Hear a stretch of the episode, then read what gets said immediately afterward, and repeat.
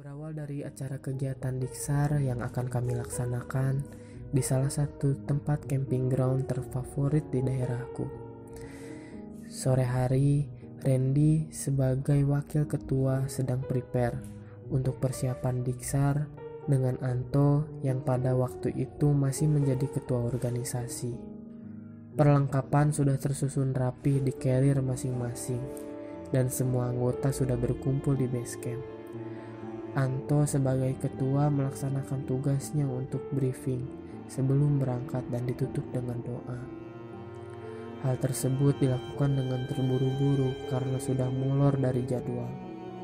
Setelah menempuh jarak kurang lebih satu jam, kami sampai di tujuan. Langsung saja, Randy dan Anto melapor ke pemilik lapak yang akan kami pakai untuk acara Diksar selama dua hari dua malam. Setelah mendapatkan izin, Randy yang mempunyai kemampuan khusus soal dunia goib pun mengecek kembali lokasi yang akan dijadikan diksar organisasi. Setelah mendapatkan izin, Randy yang mempunyai kemampuan khusus soal dunia goib pun mengecek kembali lokasi yang akan dijadikan diksar organisasi.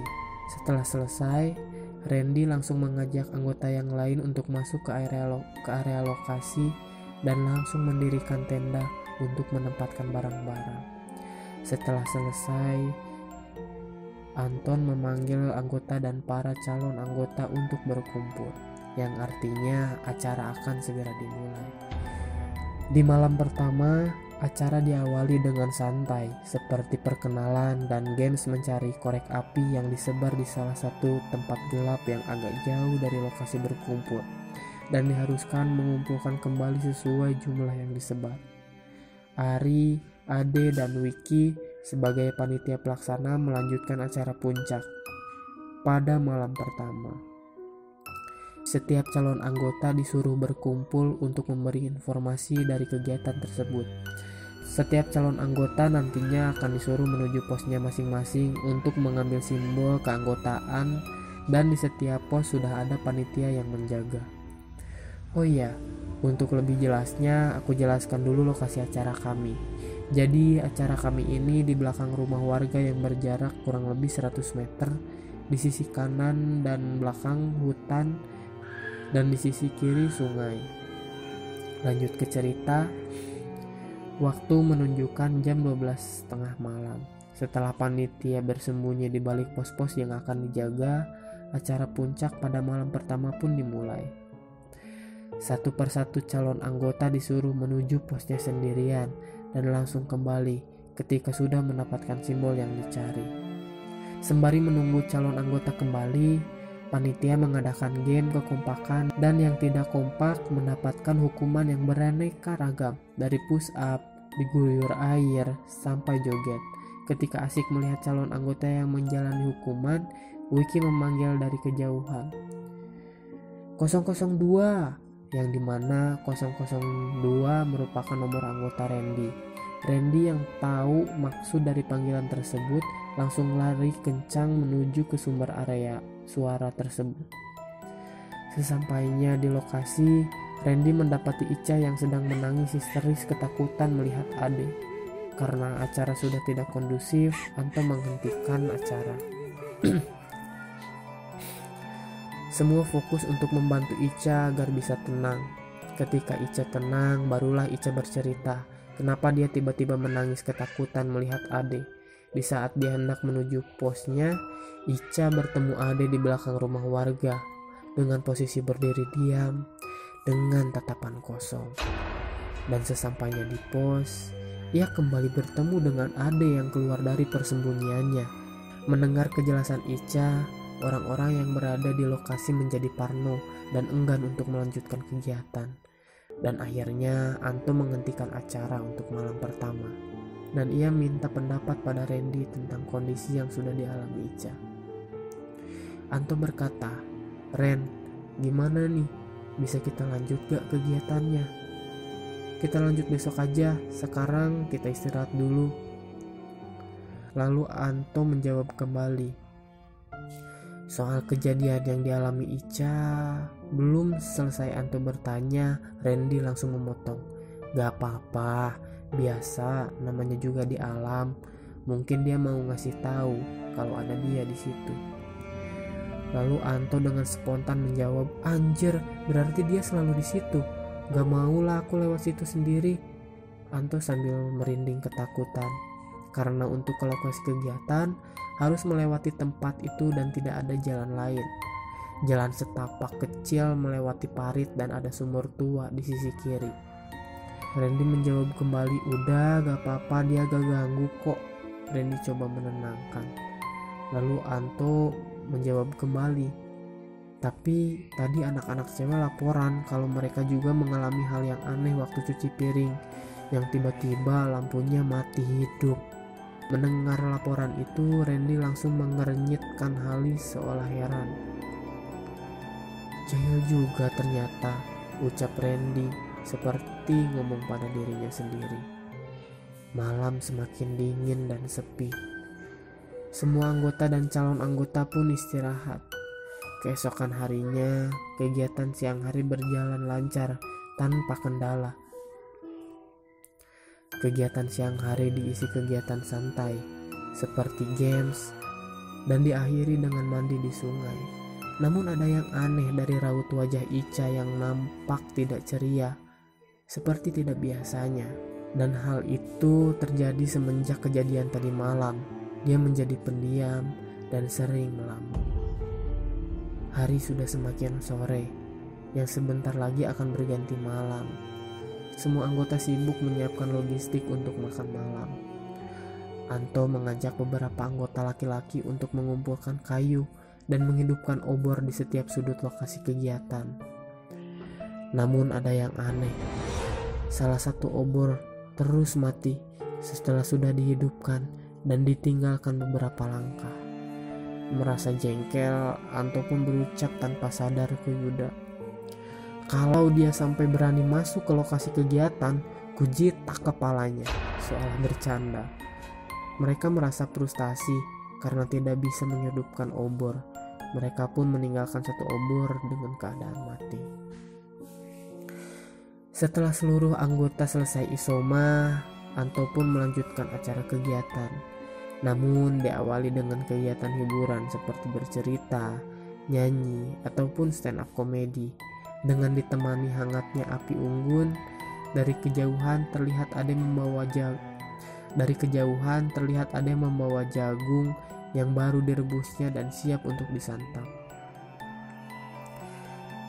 Semakin malam, suasana semakin aneh diawali Sari yang melihat ada orang lari-lari di luar area kegiatan. Ada orang lari-lari sambil melihat ke sini, sambil menunjuk ke suatu arah. Anto mencoba melihat ke suatu arah yang ditunjuk oleh Sari, namun tidak ada orang yang disebutkan seperti Sari. Anto mencoba melihat ke suatu arah yang ditunjukkan oleh Sari, namun tidak ada orang seperti yang disebutkan oleh Sari. Di mana? Gak ada orang kok di sana. Salah lihat mungkin kamu. Ada loh kak. Ada loh kak. Itu dia masih lari-lari.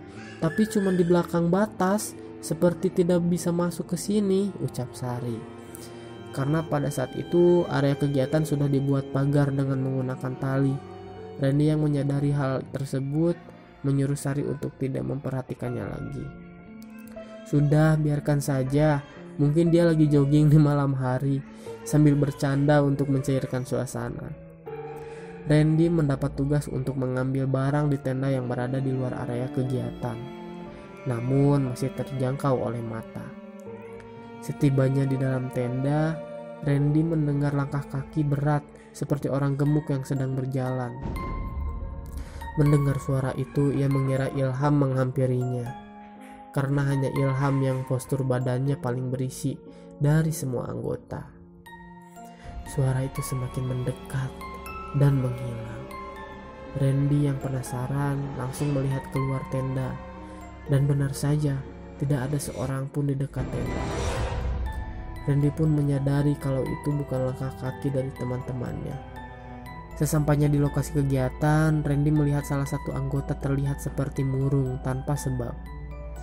Namun acara terus berlanjut dengan diisi stand up komedi sambil memakan jagung rebus yang dibawa Ade tadi. Ope yang murung tadi tiba-tiba seperti menangis lirih dalam tunduknya.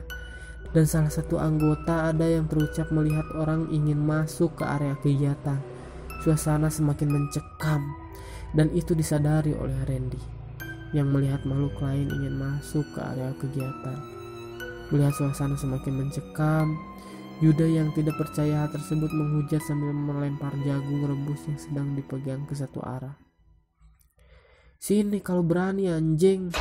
Sontak beberapa cewek menjerit histeris. Dwi menjerit-jerit tidak sadarkan diri, seperti sangat marah melihat Yuda.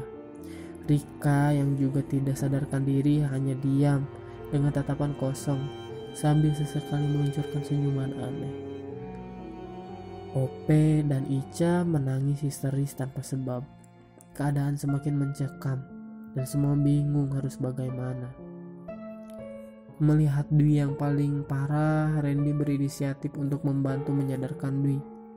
Dibantu dengan empat anggota laki-laki untuk memegang kedua kaki dan tangannya.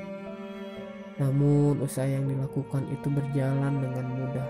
Keempat laki-laki tercampak karena dorongan Dwi yang tiba-tiba punya kekuatan berlipat-lipat ganda. Tidak putus asa, mereka mencoba lagi dan akhirnya Dwi tiba-tiba pingsan dan langsung saja dibawa ke rumah pemilik lapak untuk menghindari hal yang tidak diinginkan. Namun tugas Randy belum selesai sampai di situ. Masih ada OP, Ica, dan Rika yang belum sadarkan diri. Suasana malam yang dingin menjadi mencekam karena sesumbarnya salah satu anggota beberapa anggota membaca ayat-ayat suci Al-Quran untuk menghilangkan suasana untuk menghilangkan suasana horor yang tiba-tiba menyelimuti kegiatan mereka. Randy berhasil membuat Ope dan Ica berhenti menangis. Namun dalam keadaan pingsan, mungkin itu lebih baik daripada menangis histeris dan membuat suasana menjadi lebih mencekam. Langsung bawa mereka ke rumah warga di depan, ucap Randy sambil berteriak kepada seluruh anggota. Randy melanjutkan tugasnya dengan ditemani beberapa anggota. Melihat Rika yang hanya diam dengan tatapan kosong sambil sesekali memberikan senyuman aneh, membuat anggota yang melihat menjadi semakin merinding. Tanpa pikir panjang, Randy langsung melaksanakan tugasnya. Tidak beberapa lama pun, Rika sadar dan semua diarahkan untuk meninggalkan tempat tersebut. Tidak beberapa lama, Rika pun sadar dan semua diarahkan untuk meninggalkan tempat tersebut oleh Anto dan memutuskan untuk menyudahi kegiatan tersebut. Setelah semua berkumpul di rumah warga, untuk meminta pertolongan sekaligus numpang istirahat, Ope dan Rika kembali bertingkah aneh, sama seperti di lokasi kegiatan. Suasana pun berubah kembali menjadi kacau karena ada orang lain yang melihat kejadian tersebut. Randy dengan tanpa basa-basi langsung mencoba menyadarkannya agar tidak semakin parah. Tidak lama kemudian usaha Randy berhasil dan ia menyuruh Anto untuk tidak melanjutkan kegiatan ini dan secepatnya pulang ke rumah agar tidak parah. Keesokan paginya semua anggota bersiap-siap untuk pulang. Keesokan paginya semua anggota bersiap-siap untuk pulang. Namun kejadian tersebut tidak hanya terjadi di lokasi kegiatan. Kejadian tersebut mengikuti mereka ke kampus. Info sedikit, 90% yang ikut kegiatan tersebut berkuliah di universitas yang sama, Ica dan Dwi sering mengalami hal-hal aneh yang tidak biasa. Singkat cerita, pada saat kuliah berlangsung, Dwi seperti melamun dengan tatapan kosong. Setelah selesai kuliah, ia meninggalkan kelas dengan tanpa berucap sepatah kata pun kepada teman-temannya. Teman-temannya yang merasa ada yang aneh, lalu mengikutinya ke mana dia pergi. Dan benar saja, ia berjalan menuju jalan besar dan tidak menghiraukan motornya yang ada di parkiran. Namun ia berjalan dengan tatapan kosong di tengah jalan. Melihat kejadian itu, teman-temannya langsung berlari mendekati untuk menariknya.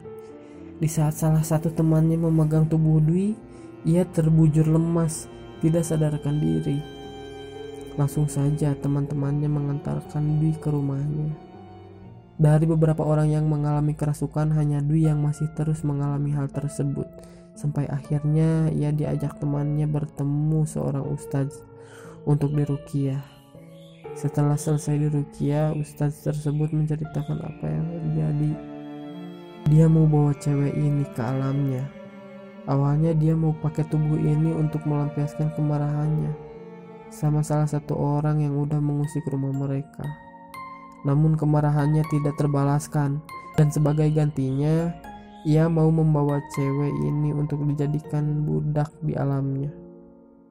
Dari pengalaman ini kita bisa mengambil pelajaran bahwasanya kita tidak boleh merasa angkuh dan sesumbar, apalagi di alam bebas yang kita tidak pernah tahu ada apa di dalamnya.